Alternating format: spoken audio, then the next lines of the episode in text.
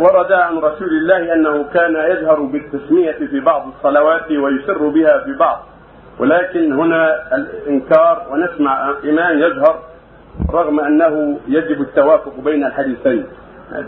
الحديث الصحيح دال على أن السنة السر بالتسمية والاستعاذه هذا هو الأفضل.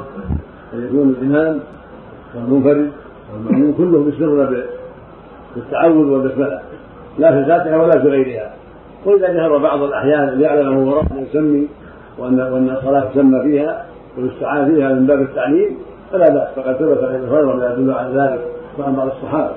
لكن الأفضل العموم والأكثر أن يكون منصرا بالتسمية الجهريه وبالاستعاذه لأنه كان يبدأ بقراءته الحمد لله رب العالمين. ويسر التعوذ وذكر عليه الصلاة والسلام. كما قال أنس وجماعة